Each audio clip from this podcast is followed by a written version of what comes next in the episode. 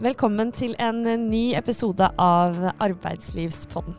I denne podkasten tar vi opp sentrale temaer med juridiske implikasjoner innenfor arbeidslivet på en enkel, engasjerende og forståelig måte. Podkasten passer for alle som møter arbeidsrettslige utfordringer, men særlig ledere og HR-personell i norske bedrifter. Og denne gangen skal det handle om omorganisering av virksomheter hvor de ansatte blir berørt av endringer. Virksomheter blir hele tiden utsatt for endringer utenfra. Det gjør at de må tilpasse seg.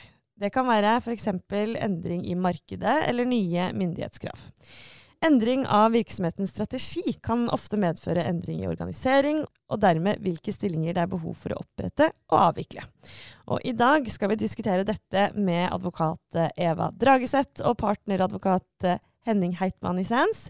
Eh, og det vi skal snakke om, det er hvordan arbeidsgivere bør forberede seg og gjennomføre en omorganisering av virksomheten. Og før vi går inn i eh, tematikken skikkelig, så kan vi vel si, Eva, at dette er litt ekstra aktuelt eh, i disse, disse dager? Det er det. Vi tilpasser oss en ny tid. Vi står med begge bena i en brytningstid der jeg tenker at både det private næringsliv og offentlig sektor må omstille seg raskere. Fordi at rammebetingelsene stadig er i endring. Eh, og vi må forholde oss til megatrender som bruk av kunstig intelligens, ny teknologi, klimautfordringer, bærekraft, strukturendringer i verdensøkonomien og ikke minst endrede kundepreferanser. Og alt dette det krever nytenkning, spesielt innenfor tjenesteytende bransjer. Eh, og det krever at vi må omstille oss raskere.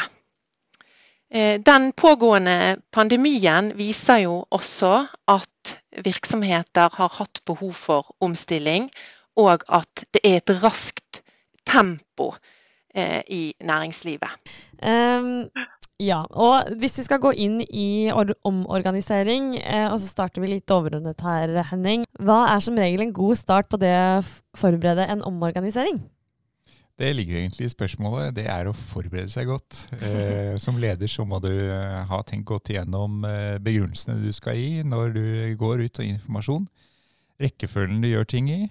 Eh, og eh, hva er målet? Å gi folk mest mulig trygghet. Eh, og det er jo gjennom en god prosesshåndtering som er godt planlagt, og hvor du har en trygghet på alle eventualiteter, at du kan lede bedriften gjennom endringsprosessen med en trygg hånd, og komme ut på andre siden med et godt resultat. Og et godt resultat det er jo at du får en organisasjon som er tilpasset behovet bedriften står overfor, og eh, hvor konfliktnivået er så lavt som mulig.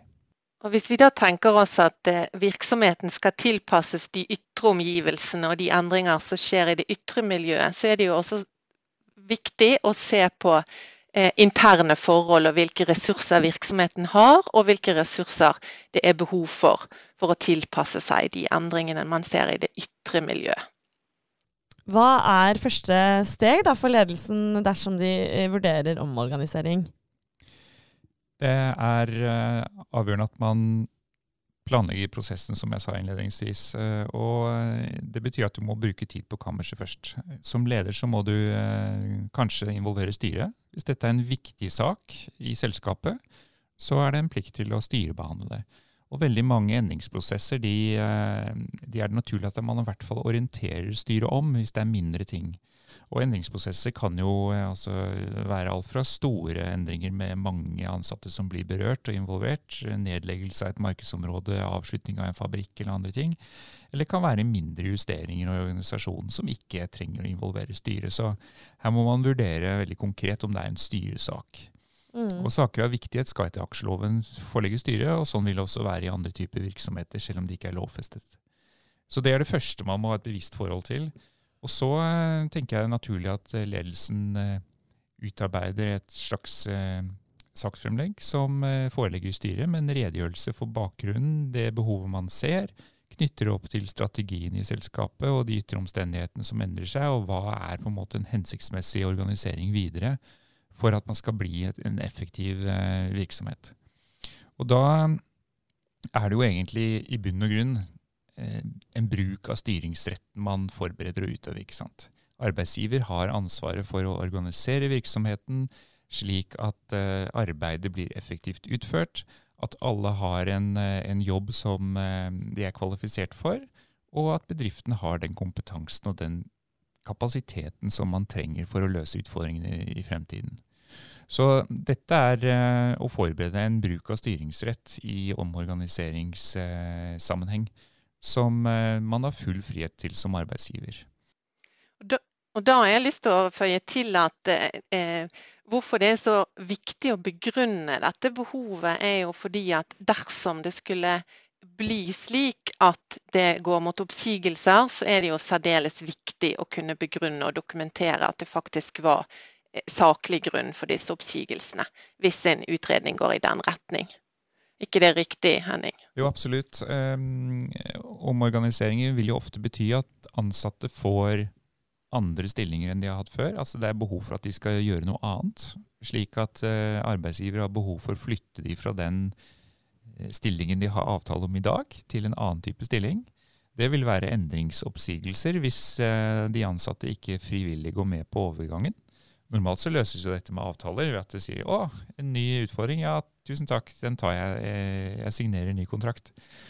Men hvis uh, man møter motstand på det, så må arbeidsgiver vurdere oppsigelser og eventuelt tilby disse stillingene som er ledige, som det er behov for i fremtiden.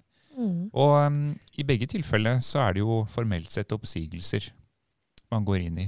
Eh, så i den grad man ikke får etablert frivillighet fra starten på eh, endringsprosessen, eller man har behov for å redusere staben, eh, personalet, mer permanent, så er det oppsigelsesbeslutninger man ender opp med i noen grad. Og da er det som Eva sier, veldig viktig at man har eh, gode begrunnelser helt fra start på det, når det gjelder det generelle behovet da, for å gjøre mm. endringer der. Og etter hvert som man gjennomfører prosessen, så vil man jo gjennomføre drøftelser og kartlegginger som gjør at man også må kunne supplere begrunnelsen med hvem som blir berørt. Hvorfor var det du som måtte gå? Hvorfor var det du som måtte finne deg i å bytte funksjon internt? Alt dette krever saklige begrunnelser. Ja. Så det er helt riktig at man må tenke på det helt fra start.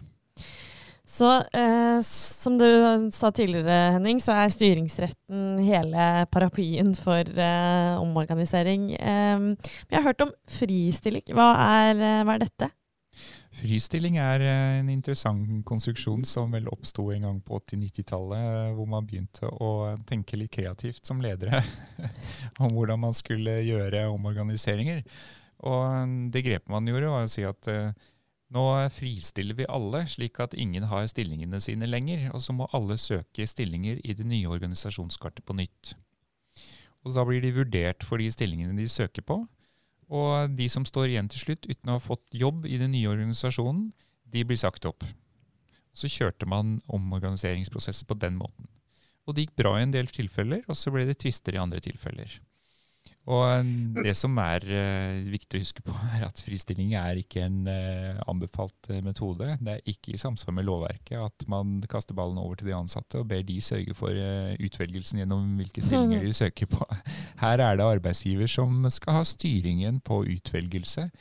Og man har også en tilbudsplikt underveis i en endringsprosess som gjør at arbeidsgiver må sørge for at de gir tilbud til de ansatte som er de riktige til de enkelte stillinger, uavhengig av hva de eventuelt skulle søke på. Så det er å snu prosessen veldig på hodet, og det har gått galt i en god del eh, prosesser som har vært kjørt gjennom fristilling, eh, hvor man ender opp med oppsigelser som da man ikke klarer å begrunne saklig, og domstolen eh, dømmer de ned. Så, så vær veldig forsiktig med å tenke fristilling som metode. Ja, da har vi jo allerede faktisk snakket litt om uh, fase én av omorganisering. Dette med å analysere behovene og vurdere alternative tiltak for hvordan man skal gjennomføre denne prosessen. Men så kommer man uh, videre til fase to. Og Eva, hva, hva innebærer dette? Ja, Fase to starter med at man utarbeider et forslag til organisasjonskart som viser hvilke stillinger virksomheten har behov for i tiden fremover. Og da gjerne med tilhørende stillingsbeskrivelser. Eh, og det som er viktig her, er jo at man er bevisst på oppgaver som eventuelt flyttes mellom stillinger, sånn at beskrivelsen i det nye organisasjonskartet også gjenspeiler det. Eh, F.eks. Eh, hvis man ser for seg nye arbeidsoppgaver i enkelte stillinger. Og så er det viktig da å, å, å, ha for seg at det ikke skal skje noen innplassering av ansatte på det tidspunktet. Sånn at starte med å utarbeide et forslag til nytt organisasjonskart. Så kommer man over i eh, det arbeidet som heter å utarbeide forslag til utvelgelseskriterier der man setter opp forslag til de kriteriene som skal anvendes ved innplassering i et nytt organisasjonskart. Og da må jo kriteriene for utvelgelse selvfølgelig være saklige. Og så, som de fleste sikkert er kjent med, så er jo eh, de vanlige kriteriene da særlige behov for virksomheten, eh, kvalifikasjoner, herunder personlige egenskaper, evne til å oppfylle arbeidsgivers krav og forventninger. Og så har man ansiennitet, altså som handler om sammenhengende ansettelse i virksomheten. Eh, og man har sosiale hensyn, som kan handle om forsørgerbyrde, eh, funksjonshemming, høy alder osv. Så, eh, så det er da neste fase. Og så skal man jo da anvende disse kriteriene på et senere tidspunkt. Eh, ja. Og på dette stadiet så kan det jo også være eh, behov for å vurdere en ny runde i styret. Eh, ja. Jeg tenker at eh, man også må altså man, Det kan være forskjellige kvalifikasjoner som kreves til de stillingene som opprettes og som skal virke i fremtiden. sånn at her kan det være forskjellige kriterier som er relevante i vurderingen eh, opp mot de stillingene som skal fortsette. Og det er jo viktig at man har, bruker kriterier som er relevante for å ivareta virksomhetens behov i fremtiden. Mm. Altså kompetansebehovene. Ofte så vil en omorganisering i en ledergruppe eller på et ledersjikt eh, bety at man stiller nye krav til kompetanse, eh, og at kompetanse blir det viktigste kriteriet. Veldig ofte i disse sakene så er det, så er det det mest sentrale. Men hvis det gjelder å ta ned eh, kapasitet på produksjon, f.eks., som en del av omorganiseringen, så, mm, så kan ansiennitet være et viktigere kriterium. Gitt at alle ansatte har den samme kvalifikasjonene tilnærmet, og at behovene for kvalifikasjoner i fremtiden er ganske like. Det er ikke så store endringer. Mm. Så, mm, så hvor stor vekt man skal legge på de forskjellige kriteriene, det man, eh, bør man også tenke gjennom og kunne begrunne eh, når man skal gå videre i prosessen. Ja. Mm. Og dette med anvendelse av kriterier, det vil da egentlig bety at man skal kartlegge hvilken kompetanse og eh, som, altså hvilken kompetanse som er blant de ansatte, for å, for å se, da. Ja, det kan fort bli nødvendig. Eh, kartlegge de eh, faktaene da, som knytter seg til kriteriene man skal bruke. Mm. Mm. Et annet element også her i eh, forhold til utvelgelse, hvis, eh, hvis det er snakk om en eh, nedbemanning eller flytte folk til nye funksjoner, det er jo hvilke kretser skal man se i sammenheng. Så det er også en del av kriteriene. Altså hvilke avdelinger skal man, skal man lukke avdelingen og si at man gjør det innenfor visse avdelinger? Skal man tenke geografisk oppdeling av virksomheten? Eh, skal man tenke en faglig oppdeling av virksomheten i forhold til å, bruke kriteriene innenfor disse kretsene. Så Det er også viktig å avklare, og det skjer jo stadig i sånne endringsprosesser at det blir diskusjon om eh, f.eks. geografisk eh, nedslagsfelt for kriteriebruken. Mm. Det opplevde jeg nå de siste to årene. Jobbet mye med en butikkvirksomhet som har butikker over hele landet. og skal de redusere bemanningen eh, i en butikk eh, og øke den i en annen, eh, to forskjellige steder i landet, så er jo ikke dette arbeidskraft som er villig til å flytte så mye på seg. og Da er det mer naturlig at man tenker seg en oppdeling av landet og si at du vurderes i forhold til den butikken du jobber på, eller du vurderes innenfor et visst geografisk område, en region. Så disse, del, disse delene av kriteriene er også viktig at man har et bevisst forhold til. Da, hvis man har en virksomhet som er spredt geografisk, eller spredt eh, når det gjelder funksjonalitet. Mm. Mm. Det er ikke noe fasitsvar her eh, med, det, med, kriteriene. Her må virksomheten se innover seg og, og finne ut hva som er uh, riktig for den. Um, og når da dette har, uh, har blitt uh, Når kriteriene nå er satt, så går dette videre da til fase tre. Og vi snakker jo veldig ofte om at man må informere og snakke med de ansatte. Og det første man skal gjøre uh, videre da, er å drøfte med tillitsvalgte. Hva skjer da? Før man går dit, så tenker jeg det er viktig å ha med seg at kriteriene er ikke satt. Dette er arbeidsgivers forslag og innstilling. Dette er utgangspunktet man har tenkt når man går inn og begynner i drøftelsen. Så man må ikke låse seg for sterkt her. Poenget med drøftelsen med tillitsvalgte det er jo å få innspill, synspunkter på prosessen og de planene arbeidsgiver har lagt for den, slik at man kan vurdere som arbeidsgiver er det noe vi bør justere her. Er det noe vi bør vurdere på nytt? Mm. Er det mm. noe som bør eh, håndteres annerledes? Blir dette saklig i forhold til lovens krav om saklige beslutninger? Så, mm, så jeg, det, det, er jeg litt opptatt av, at, at man har et utgangspunkt som er et som er et forslag. Og eh, når man går inn i neste fase, som er å drøfte med tillitsvalgte, så, så er det det man tar med seg inn. Ja, det er kanskje lurt å, å, snakke med de som er tett på arbeidstakerne sine òg, ikke bare eh, slå ned på eh, forankre alt i styret og så ferdig snakka. Nei, det er livsfarlig. det skal være en god, åpen prosess, og det skal være, det skal være reelle drøftelser. Og som arbeidsgiver, husk på at nytten av det er jo at du får mer eh, fornøyde arbeidstakere. Du får eh, de tillitsvalgte med deg på laget, og man jobber sammen om å skape en god prosess. Men jeg tror det er viktig at arbeidsgiver har forberedt seg godt før man starter samtalen med de tillitsvalgte, fordi da kan man begrunne og forklare de forslagene man legger fram. Og så går det mye raskere å få forankret prosessen. Mm. Her som ellers er jo kommunikasjon veldig viktig, og ansatte har jo Eh, gjennom prosessen et veldig stort informasjonsbehov. Og et spørsmål vi ofte får, er jo på hvilket tidspunkt skal informasjon gå ut til ansatte, og på hvilket tidspunkt eh, skjer drøftelsene. Altså når er, er det på tide å informere? Kan ikke du si litt om det, Henning?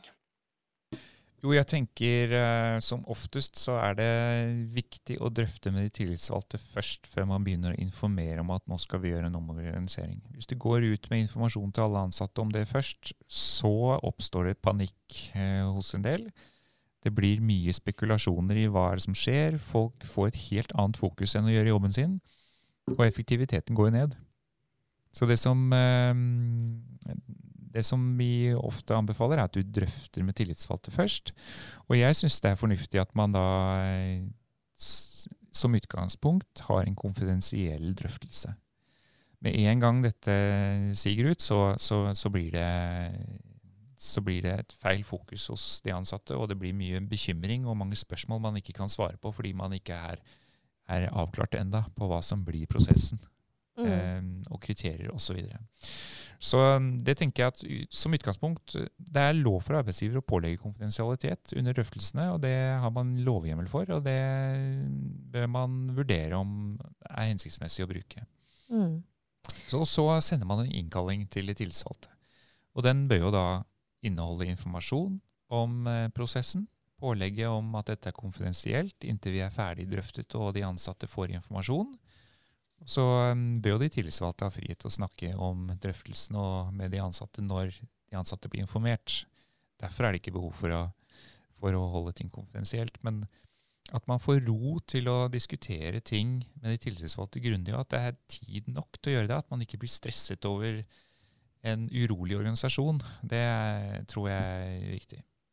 Så anbefaler jeg arbeidsgivere å være transparente på begrunnelse. Transparente for bakgrunn, behovet, de refleksjonene man har gjort på endringer man ønsker å gjennomføre, kriterier man anser som eh, riktige for å ivareta bedriften osv. Og, så og at man sender det til de tillitsvalgte, så de kan forberede seg til drøftelsesmøtet og møte opp og forstå hva dette handler om, ha tenkt igjennom sine spørsmål.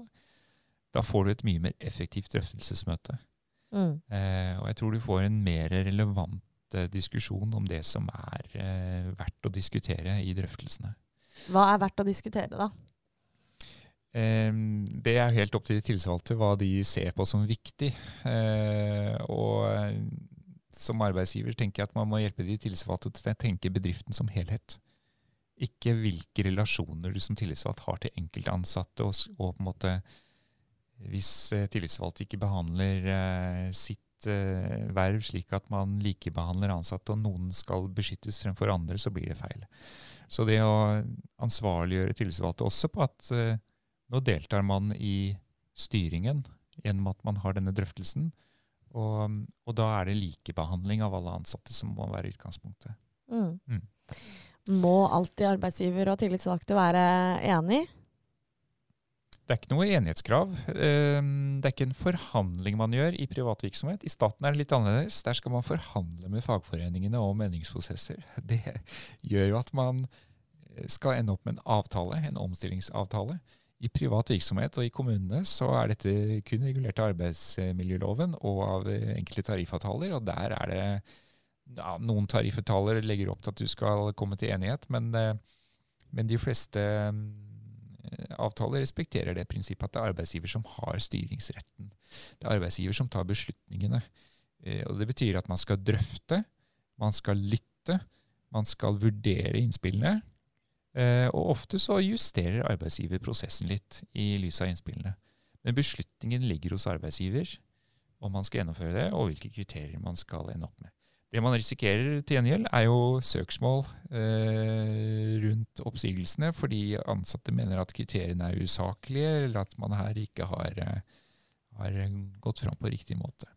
Så eh, i det lyset så er det jo eh, viktig å huske på at dette er drøftelser. Det er ikke forhandlinger om avtaler. Mm. Mm. Men så hender det at man blir enige om ting med de tillitsvalgte i drøftelsene, og det kan jo være fornuftig at man noterer det i protokollen. Man er enige om prosessen sånn og sånn. Man er enige om at disse kriteriene skal brukes. Man er enige om at disse kretsene skal man operere med slik og sånn. Og um, man fører en protokoll da, i forbindelse med drøftelsene hvor det fremgår hva man har drøftet. Ja. Det fremgår også hvilke synspunkter de tilsvalgte ønsker å ha med. Og jeg tenker at det, det er nyttig. For å, jo mer enighet man har, eh, jo bedre er det jo for prosessen videre. Mm, mm. Absolutt. Nå beveger vi oss inn i fase fire. Eh, hva innebærer denne fasen? Ja, nå eh, har jo vi sikkert allerede eh, gjort lytterne oppmerksom på at vi snakker om disse fasene. Og til det så har jeg jo lyst til å si også at det er jo viktig for dette arbeidet at man har en god prosessplan å forholde seg til. Altså som arbeidsgiver, og at man bruker den tiden som skal til for å gjøre dette forsvarlig. Eh, og som Henning sa, så er det jo eh, veldig viktig at kommunikasjonen Eh, blir gjort ordentlig, og at man ikke forhaster seg eh, i prosessen. Fordi at dette går jo både på eh, i forhold til å skape ro i organisasjonen, og det går jo òg på, på, på, virksomhetens omdømme hvis man ikke gjør dette på forsvarlig vis. Så hvis vi nå tenker oss at vi har fulgt denne prosessplanen og kommet inn i fase fire, så er vi jo kommet til en fase der det skal eh, gis informasjon til, eh, til alle ansatte. Eh, fordi at de ansatte skal informeres om beslutningen. Og, så er det sånn at Vanligvis så gir man den type informasjon i et allmøte. Men det kan formidles på andre måter også, hvis det vil være hensiktsmessig. Men eh, dersom man velger å gi den type informasjon i et allmøte, så eh, bør det utformes en skriftlig innkalling. Eh, og det bør lages et kort referat som sendes ut til de ansatte i, i etterkant. Ofte noen som er sykemeldt, eller noen som er permisjon, eller av andre grunner ikke får vært til stede. ikke sant? Og det er viktig at alle får den samme informasjonen. Så Derfor så anbefaler jeg ofte at man gjør det skriftlig i tillegg til eh, et møte. Og Fordelen med møtet er at folk kan stille spørsmål ikke sant? og få eh, svar raskt på det de lurer på. Så det syns jeg er veldig fornuftig. Og at arbeidsgiver også signaliserer at vi er tilgjengelig for å svare på spørsmål.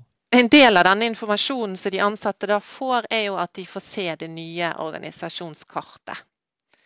Eh, med stillingsbeskrivelser. Men det er jo viktig å ha for seg at eh, på dette tidspunktet så er det heller ikke eh, gjort noen endelig innplassering.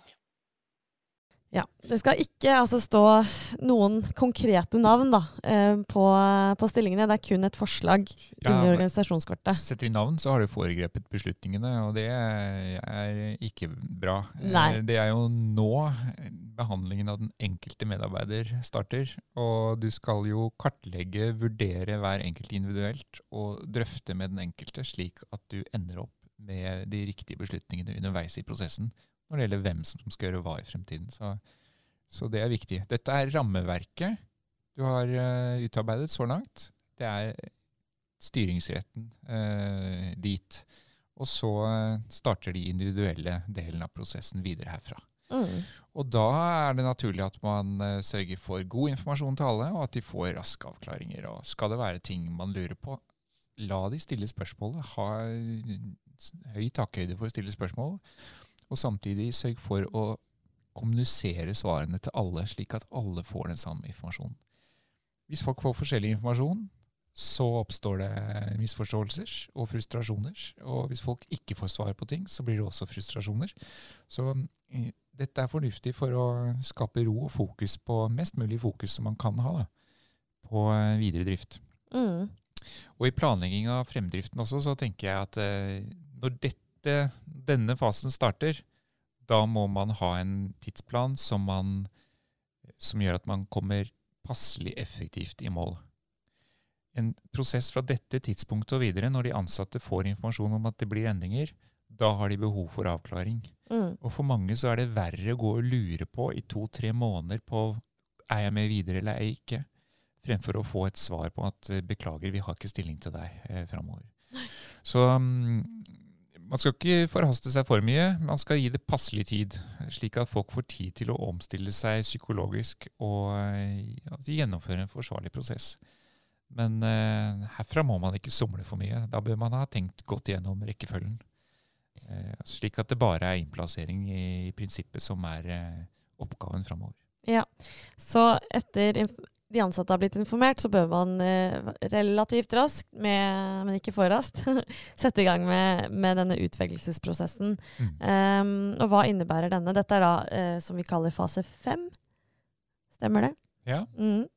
Eh, jeg tenker det er eh, nå man skal begynne å tenke på hvem skal ha hvilke roller. Eh, noen blir jo ikke berørt. ikke sant? Noen arbeidstakere fortsetter med det samme som før. Kanskje en avdeling eller to blir ikke berørt av endringen. Det er disse prosessene ser veldig forskjellige ut, eh, avhengig av hvor stor forandringen er.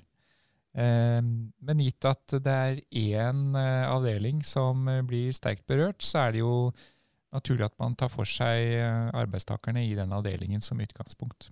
Mm.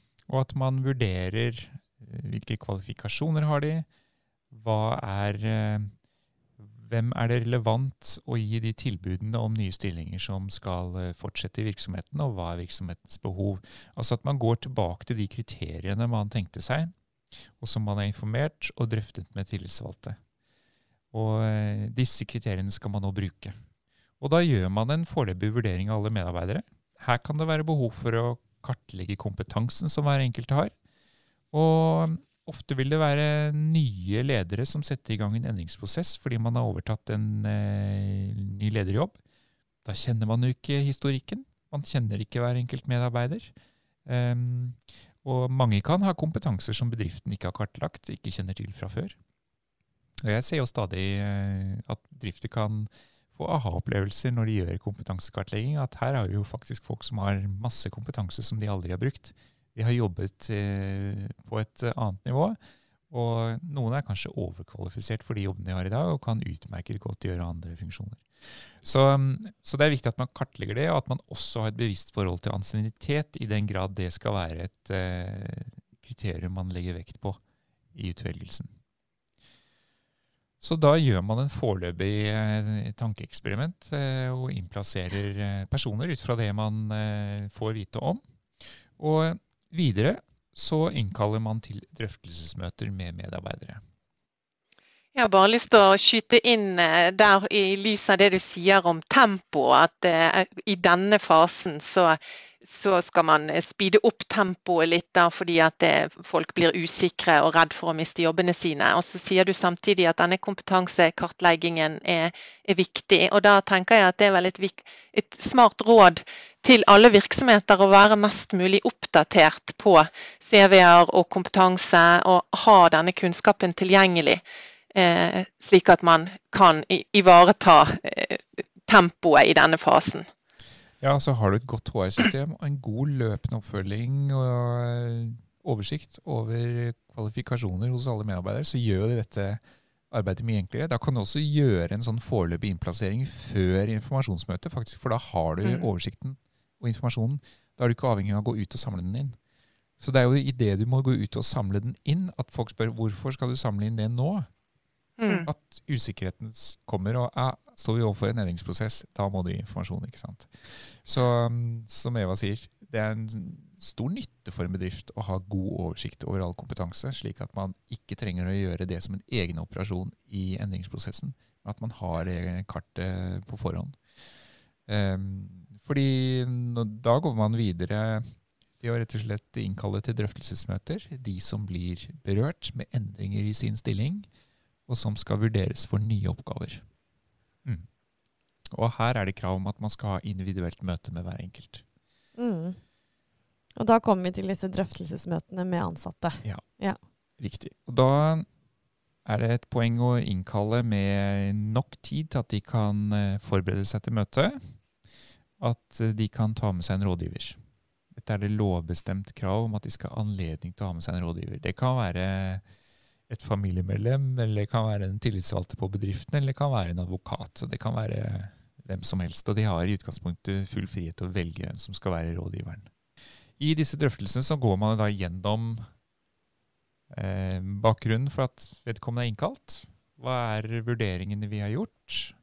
Hvordan står du i forhold til kriteriene ut fra det vi vet? Og man skal kvalitetssikre beslutningsgrunnlaget sitt som arbeidsgiver. Så her skal arbeidstaker få anledning til å supplere og korrigere feil eh, som arbeidsgiver eventuelt har i sitt informasjonsgrunnlag. Og så er det jo ofte også at det er eh, sosiale forhold og spesielle ulemper ved oppsigelse som arbeidsgiver ikke kjenner til. Det kan være ansatte som har eh, sosiale forhold på hjemmebane, familiesituasjon, kanskje ektefellen mister jobben samtidig altså forhold som gjør at man blir eh, sterkt rammet da, og bør beskyttes eh, mot oppsigelse i større grad enn andre. Så det bør man også bruke tid på sørge for at det er kartlagt i forbindelse med drøftelsene. Mm. Og det er bare for å spørre om det, det er vel ikke lov til å si opp noen som er ute i f.eks. fødselspermisjon? Um, det er ikke et uh, absolutt forbud mot uh, at de blir berørt av endringsprosessen. Men en oppsigelse vil ikke da få virkning eh, formelt før permisjonen er over. Ja. Så um, det er et veldig godt spørsmål du stiller. Folk som er sykemeldt også. Eh, selskapet stopper jo ikke, virksomheten stopper jo ikke selv om noen er sykemeldt eller ute i permisjon. Sånn at endringsprosessen går sin gang. Men virkningene av oppsigelsesbeslutningen eh, når det gjelder de fødselspermisjon, eller foreldrepermisjon som det heter nå, den blir utsatt. Så de får eh, mer tid til å til å kunne ja, forholde seg til, til, endringsprosessen. Men eh, også de kan jo innkalle til drøftelsesmøter, og de skal innkalles til drøftelsesmøter hvis du vurderer å ta en beslutning som går på endring av deres stilling. Mm. Mm. mm. Så du skal inkludere alle som er, har et ansettelsesforhold i bedriften. Og så har vi, kan vi si dessverre, da, kommet dit uh, i fasen at uh, noen ansatte må, må gå. Uh, denne prosessen er jo sikkert vanskelig på mange måter eh, for både arbeidsgiver og arbeidstaker. Hvor, hva gjør man? Ja, først må du drøfte ferdig og være grundig på å skrive et godt referat. Eh, og det referatet bør du sørge for er at det er kontradiksjon på, som vi kaller det. Du bør sende den til den ansatte og få en bekreftelse på referatet, eller spørre den ansatte har du synspunkter og kommentarer til referatet, så send de til oss. Og så setter du en rimelig frist på det. Og det tenker jeg er viktig for at du skal kunne dokumentere hva som har vært drøftet, hva som har vært kommunisert, som, som er sentralt da, for beslutningen senere. Eh, for da har du dokumentasjonsmulighet på prosessen, og det vil domstolen etterspørre hvis det blir en tvist senere. Og Så må du også se på alternative løsningsmuligheter. Det bør du også drøfte. Hva ser arbeidstaker for seg som alternativ? Er det stillinger vi ikke har vurdert deg for som du ser som aktuelle i det fremtidskartet? Hva er dine kvalifikasjoner til det? Hvorfor tenker du at du er bedre kvalifisert enn den som er innstilt? Og eventuelt ønsker du en sluttavtaleløsning, så er det også noe man kan åpne for å snakke om i drøftelsesmøtet, og høre hva, hva syns den ansatte, hva tenker den ansatte om det.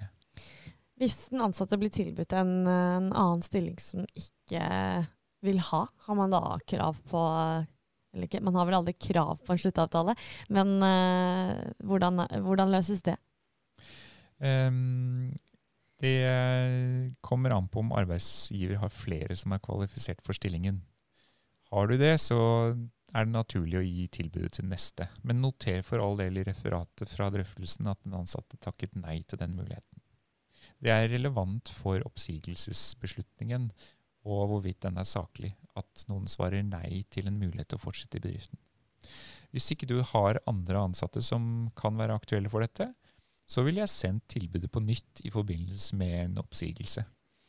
Da sender du eh, tilbud om den stillingen og på en måte insisterer på det. Og da eh, kan den ansatte velge om man vil akseptere det, gå over i den nye stillingen, for alternativet er å stå uten jobb. Mm. mm.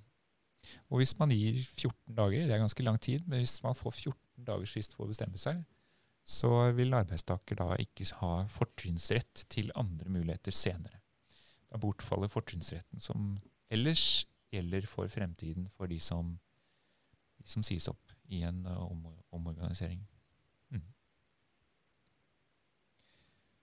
Og så, når dette referatet er på plass, og du har drøftet med alle som er relevante for vurderingene, så er det på tide å trekke konklusjoner.